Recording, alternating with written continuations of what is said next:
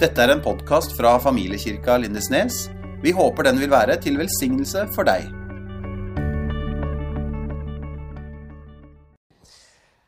I dag skal jeg preke om at Gud er far. Og vi er jo i en serie om evangeliet. Eh, Og jeg tror at hvis vi skal forstå hele essensen i evangeliet, de gode nyhetene, så må vi forstå hvem Gud er, først og fremst. For det er jo han det handler om. Eh, Og jeg hørte en veldig god quote en gang. Eh, Jeg har blitt oppmuntra av en, en veldig god mann i Lyngdal eh, opptil flere ganger å høre på talene til en mann som heter A.W. Tozer. Han er amerikaner og død nå. Eh, og jeg tenkte bare at hvorfor skal jeg høre på hans sine taler? Vi har jo nok av gode norske talere. Eh, men han her sa at nei, du må høre på han, du må høre på han. Så, så jeg hørte på han, eh, og jeg begynte å lese litt om han, og, og fikk med en quote som jeg syntes var ganske interessant. Han sa at det første som kommer inn i tankene våre når vi tenker på Gud, det er det viktigste med oss som mennesker. Det første som kommer inn i hodet vårt når vi tenker på Gud, det er det viktigste med oss. Ganske interessant, spør du meg. og jeg tror kanskje at Grunnen er at vi konstant beveger oss litt imot Guds bilde. For jeg tror at vi er skapt av og for Gud. Og vi kan ikke helt leve uten den brikka plassert i hjertet vårt. Og Det er jo noen som beskriver Gud som god energi. Kanskje tenker noen på han som en, sånn, en god bestefar som er veldig snill. Du må hjelpe han med Spotify av og til, men eh, sånn ellers så klarer han seg greit. Eh, han er veldig snill, men han er ikke helt up to date med dagens samfunn. Så tenker kanskje noen på Gud som en sint person oppe i skyene, som venter på at du skal gjøre noe galt og fylle deg med skam. Noen tenker på Gud som en himmelsk hovmester som skal gjøre akkurat det du vil, når du trenger det. Og det er helst kun da du kontakter når du trenger noe. ikke sant? Kanskje har vi alle vært der en eller annen gang i livet. Så fortsetter da Tozer denne quoten, og han sier at vi har en tendens til å automatisk bevege oss mot vårt mentale bilde av Gud. Jeg skal si det en gang til. Vi har en tendens til å automatisk bevege oss mot vårt mentale bilde av Gud. Det bildet som vi har danna oss inni hodet av hvem Gud er. Og Hvis vi da tenker at, at Guds eneste oppgave er å passe på at, at jeg skal leve sånn som, jeg, sånn som, Gud sier at jeg bør gjøre, og det blir sånn stress, jeg må liksom følge lovene og alt dette her, så tror jeg at vi reduserer hele troslivet, hele livet vårt, til å kun handle om å bli en bedre person. Eller kanskje ikke så ille som du var før, for du vet at Gud han følger med, han passer på, og du må ikke dumme deg ut. Men hvis vi har et ufullstendig bilde av Gud, så tror jeg òg at sannsynligheten er stor for at vi kan leve litt sånn ufullstendig liv, spesielt i troa. da. For sannheten er den at du ble skapt av Gud, for Gud. Og det tomrommet som vi av og til kan kjenne på i livet, det tror jeg faktisk er Gud som drar oss imot Han. Ligger helt latent i oss. Og hvis eh, vårt bilde av skaperen da står på litt sånn ustødig grunn, og vi ikke helt egentlig vet eh, hvem, hvem, Gud er, hvem skaperen er, så tror jeg òg at hele livet vårt noen gang kan føles litt sånn vaklete, og vi lurer litt på hvordan ser dette her ut. Og jeg tror at det er helt essensielt for vår forståelse av hvem vi er, hvem Gud er, og hva hele evangeliet handler om, at vi faktisk forstår hvem Gud er, og at Gud er vår far. Så er det sånn, heldigvis, så har ikke Gud plassert dere helt sånn tilfeldig eh, en plass i verden eh, som villsauer, og vi bare skal prøve å finne ut av alt av oss sjøl.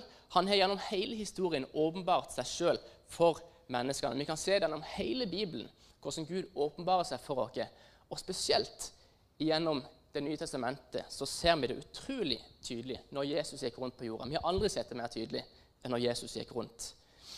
Og Bibelen forteller oss at Jesus han er den fullkomne representasjonen av Guds herlighet. Han er Gud personifisert i menneskelig form. Det er her det begynner å bli innvikla for folk. Sant? Hvis du lurer på hvordan Gud er, så må du se på Jesus. Les om Jesus. Les evangeliet. Og Jesus han lærer oss masse om Gud. Han lærer oss at Gud er skaper. Han er allstedsnærværende. Han er alle plasser, alle tider. Han er suveren, han er dommer, han er herlig, han er mektig. Men hvis det er én ting som Jesus lærer oss om Gud, så er det dette her. Og det er at Gud er far. Hele 189 ganger i de fire evangeliene alene så sier Jesus at Gud er far.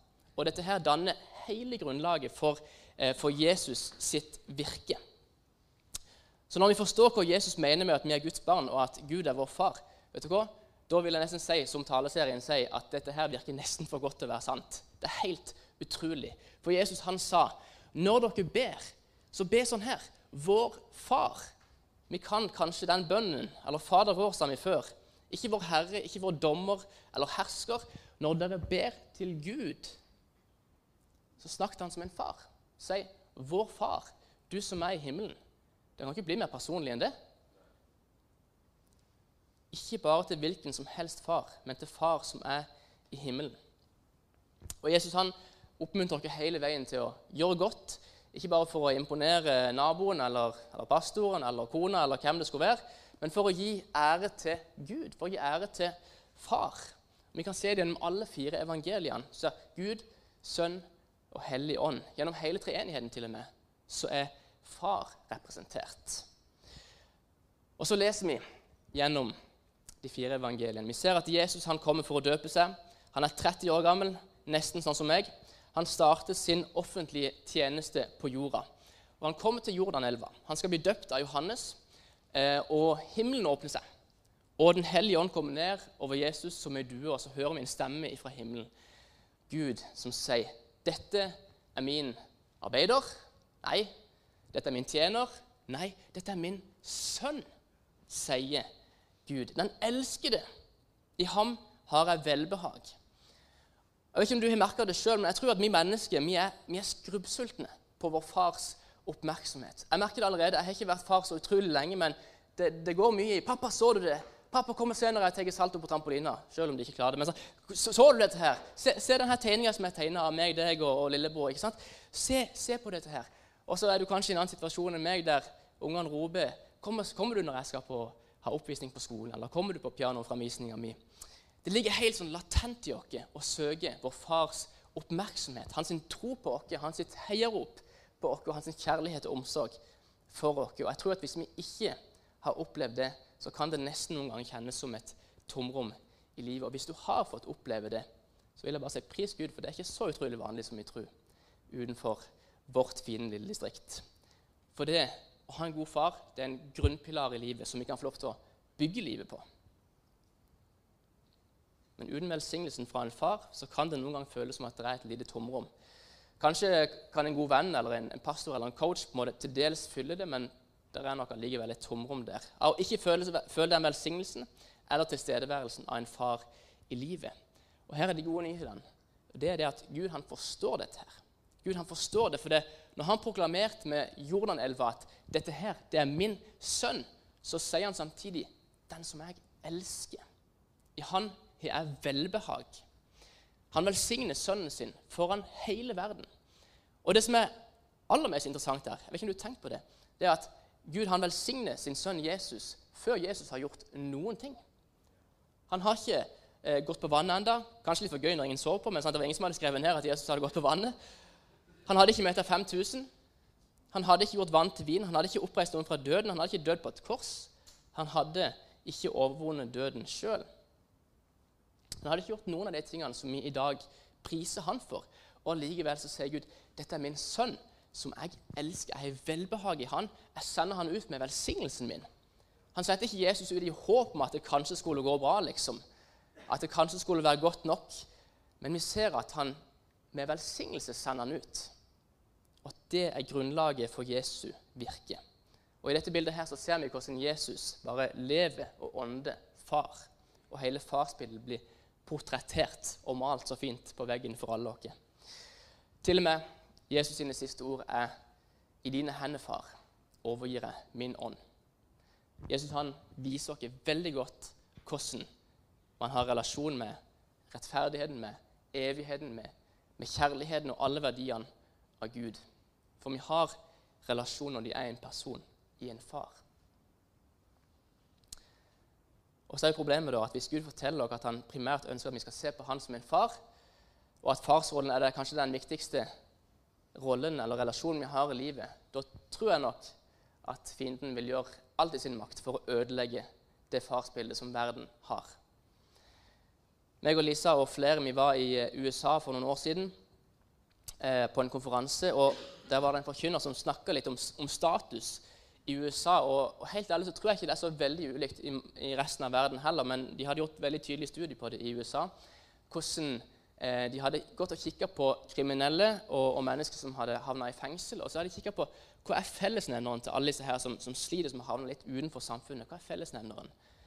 Nesten samtlige hadde et ødelagt eller helt fraværende farsrelasjon. Det var fellesnevneren for samtlige. Jeg tror ikke det er tilfeldig. For jeg tror at djevelen vet at hvis han kan knuse vårt bilde av hva en far er, så gjør han det med å ødelegge relasjonen han har til vår biologiske far, vår far på jorda. For han vet at det kanskje òg vil ødelegge vårt bilde av hvem Gud er. Vi snakker jo hele tida om at eh, Gud er far, og det er så fantastisk. ikke sant? Men så, så står jeg her i dag som nesten 30 og innser at jeg har jo flere venner som ikke har en god relasjon til sin far. Og hvordan kan jeg da si at eh, Gud er en god far? De vet ikke hva en god far er engang. Så mange mennesker vet ikke hva en god far er.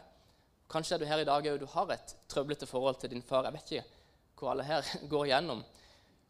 Men vi kan se resultatet av dette her overalt der vi går. Og På denne konferansen så, så snakker de om seks typer fedre.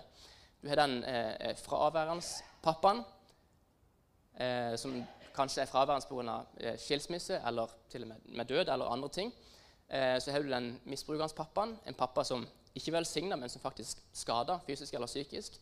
Man har den prestasjonsbaserte pappaen, eh, som eh, gjerne kanskje ville velsigne å være støttende, men du måtte gjøre deg fortjent til det. Du fikk ikke støtten hvis ikke du gjorde det bra på prøvene eller gjorde det bra på kampen. Og det ble liksom, Livet ble en konkurranse om kjærligheten til far.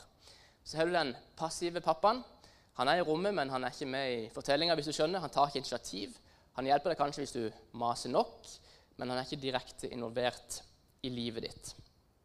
Så har du nummer fem, den motarbeidende pappaen, som kanskje egentlig bare er usikker på seg sjøl og vil heve seg sjøl over alle, til og med sine barn. Og så har du nummer seks, den utrustende pappaen. Og heldigvis er det mange av oss som har hatt den pappaen. Ingen perfekt far, men han elsker deg, og du visste det veldig godt. Han sa det til deg når du fortjente det, og når du ikke fortjente det. Han elsker deg uansett, og han viste det. Han dukka opp, og han var til stede. Og han var ikke redd for å rope 'Jeg elsker deg' når du sprang inn på skolen, selv om du ble flau. Men du vet at han elsker deg uansett.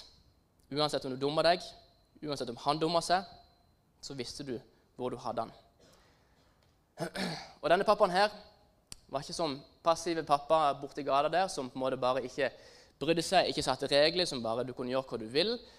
Han, eh, han elsker deg, men han satte regler, for han visste at det var det beste for deg. Han vet hvordan ting skal fungere. Og akkurat nå i mitt liv så har vi en, en treåring og en toåring hjemme, og de vet nøyaktig hvordan de skal trykke på pappa sine knapper. Allerede. Det er utrolig hvor tidlig de lærer det. Men uansett hvor mye det kan koke her inne, så har jeg bestemt meg for at jeg skal si unnskyld. Og mine barn skal vokse opp og vite at pappa elsker dem uansett. Og at det er ikke alt som er greit å gjøre. Ikke alt er bra for dem, men de skal vite at jeg elsker dem. Og vår verden har et stort bilde på veggen av far. Men dessverre så er glasset knust, og bildet er utydelig. Og vi vet ikke lenger hva en god far er. Så står jeg liksom som, som pastor i en menighet med stort sett ganske unge mennesker eh, og skal prøve å fortelle liksom, at Gud er en god far. Men de skjønner ikke hva en god far er for noe. Vi må kanskje begynne enda mer back to basic. Og så må vi forstå at Gud han er ikke bare en refleksjon av vår biologiske far. Han er faktisk en perfeksjon. Han er alt du drømte om at din pappa skulle være, og så mye mer enn det. Han er ikke bare en større og bedre versjon, han er en perfekt versjon. Han er alt som vi lengter etter, og mye mer enn det. Og Jeg har lyst til å lese et vers fra salmene som vi skal få på veggen. Men de rettferdige skal glede seg og fryde seg for Guds ansikt og juble av glede. Syng for Gud, lovsyng Hans navn, rydd vei for ham som rir gjennom ødemark. Herren er Hans navn, juble for ham. Her ser vi en majestetisk Gud, en, en allstedsnærværende Gud, en som skriver på, på himmelen. Ikke en sånn en liten random Gud som på en måte har en liten eh, fotnote i historien, men en majestetisk Gud som nå velger å åpenbare seg for mennesket, for oss som pappa. Helt personlig. Så leser vi videre. Gud i sin hellige bolig er farløses far og enkers forsvarer. Gud lar ensomme finne et hjem. Han fører fanger ut til lykke og trivsel. Og I disse versene her så ser vi plutselig Gud i en farløs kontekst, i en ødelagt verden, der Gud sier hei, det er ingen som trenger å leve uten far, og ingen trenger å navigere i dette livet her uten å ha noen som sender ut, som sender ut med velsignelsen til en far.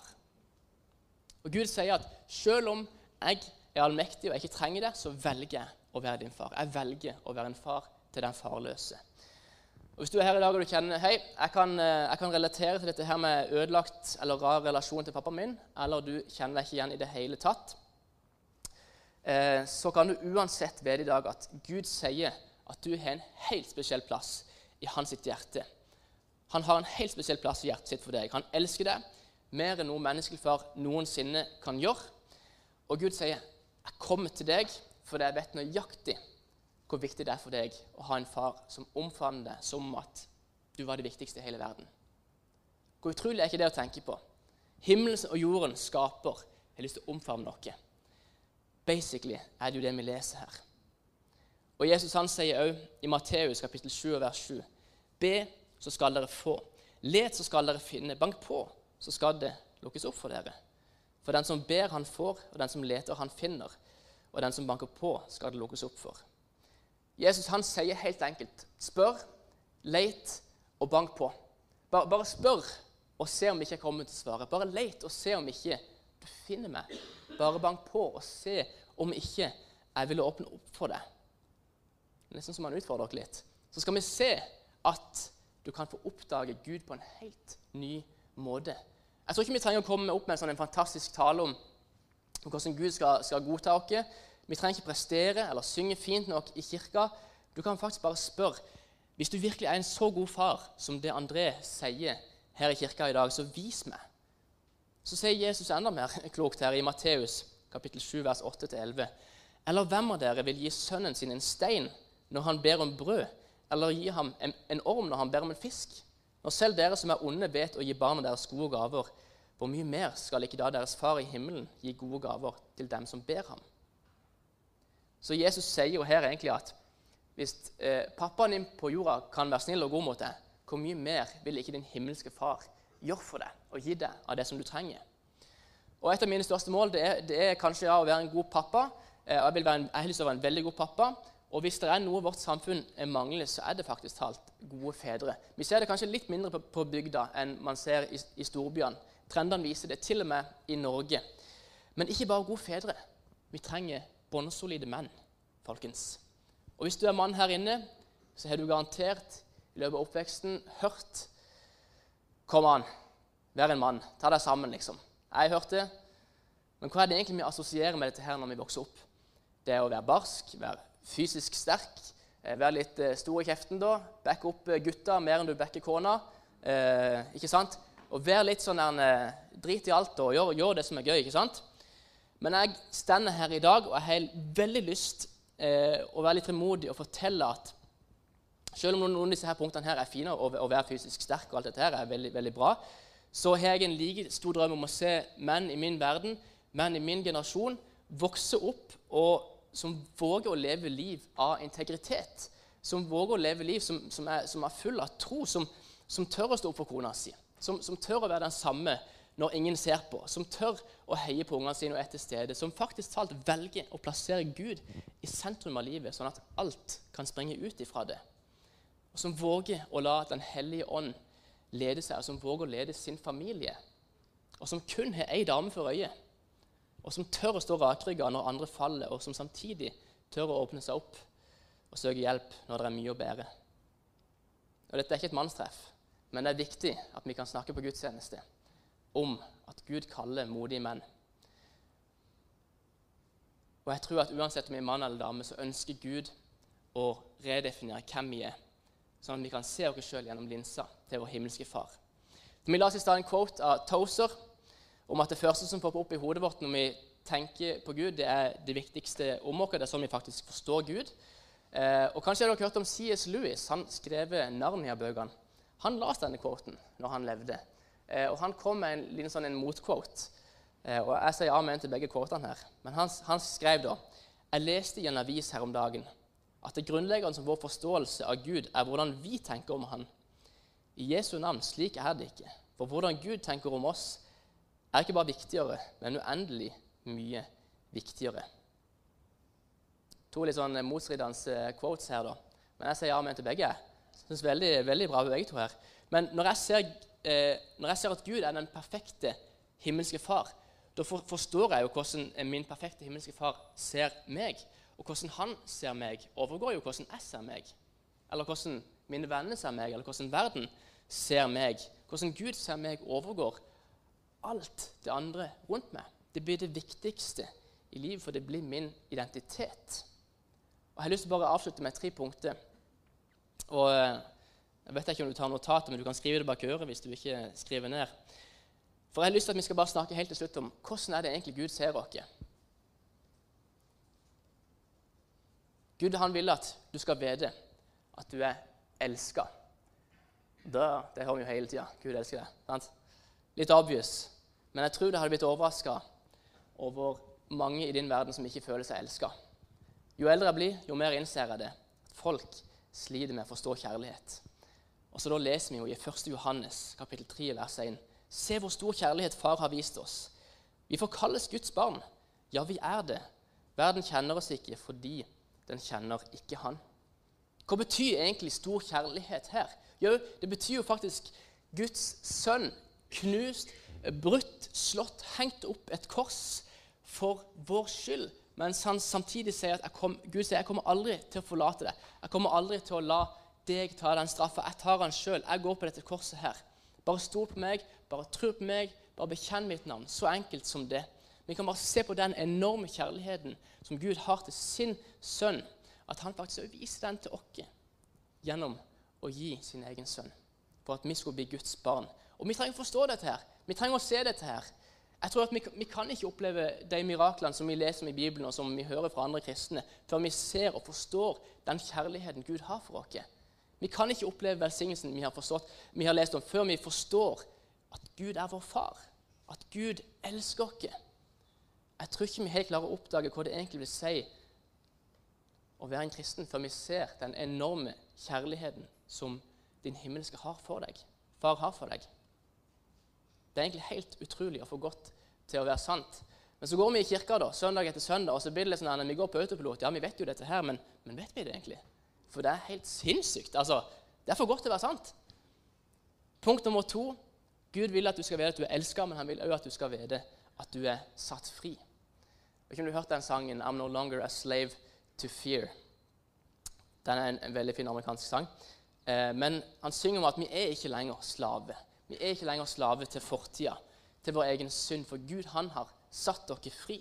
Vi kan jo lese i Romerbrevet kapittel 8 at alle som drives av Guds ånd, er Guds barn.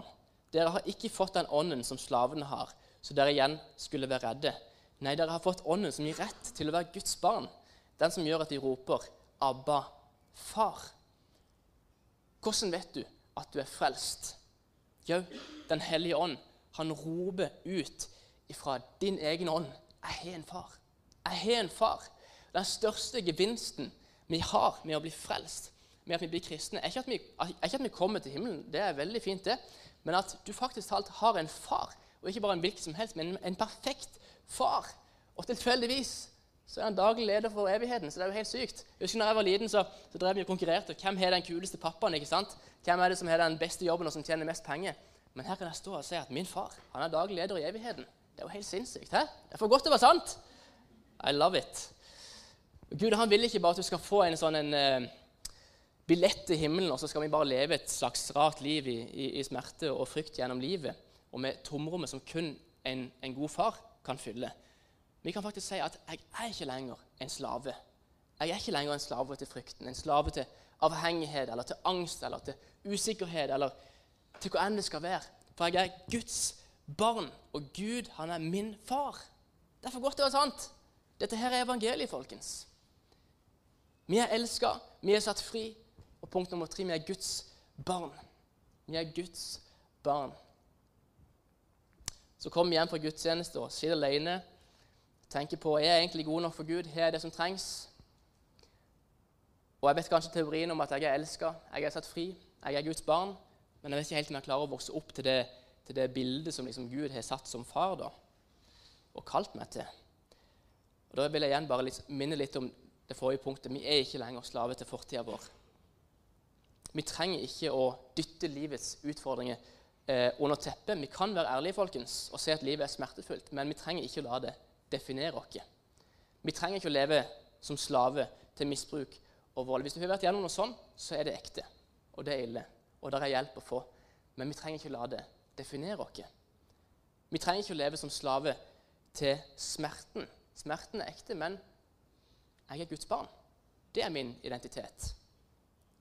Jeg trenger ikke å leve som en slave til min pappas synd, for det er jeg Guds barn, og det er min identitet. Jeg trenger ikke å leve som en slave til tvilen engang, for jeg er Guds barn, og det er min identitet. Du er Guds barn. Dette her er gode nyheter. Er dere enige? Det er nesten for godt til å være sant. Og vet du hva? Jeg tror at du kan bli alt det som Gud sier at du kan bli. Du kan til og med i Guds kraft gå fra det som ligger bak, det som er bak i livet ditt, fortida di, all fortidas smerte, inn i den framtida som Han på forhånd har velsigna deg med. Det er det som er så fint med å ha en himmelsk far. Han sender oss ut i velsignelse. Vi må ikke gjøre oss fortjent til det, men han sender oss ut i velsignelse. Det betyr ikke at livet er perfekt, er smertefritt eller noen ting, men vår identitet er at vi er Guds barn. Amen. Amen. Yes. Helt til slutt har jeg bare lyst til å Vi reiser oss. Vi pleier å gjøre det i vår, i vår kirke.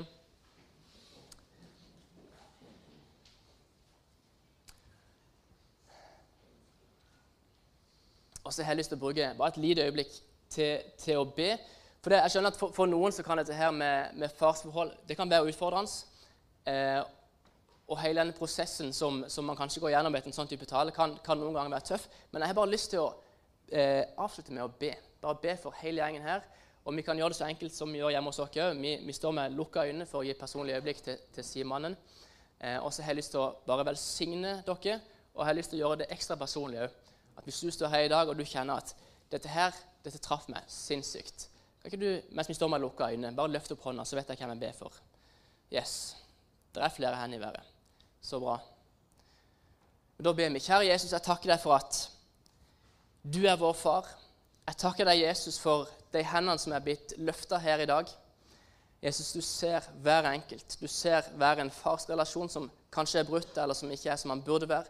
Du ser hver en smerte, du ser hver en løgn, du ser hver en, en ting som, som, ikke er som han burde være. Takk, Jesus, for at vi her i dag kan legge det med foten av korset. Takk, Jesus, for at vi er satt fri, vi er elska, og vi er dine barn, Jesus. Gud, jeg ber helt konkret for de hendene som er løfta. Jeg ber dem at de skal bare kjenne at de kan legge fortidas smerte ifra seg, og de kan kjenne at min identitet, det er ditt barn. Jeg er satt fri, og du er min far. Himmelske far. Og Så ber jeg bare for hele menigheten.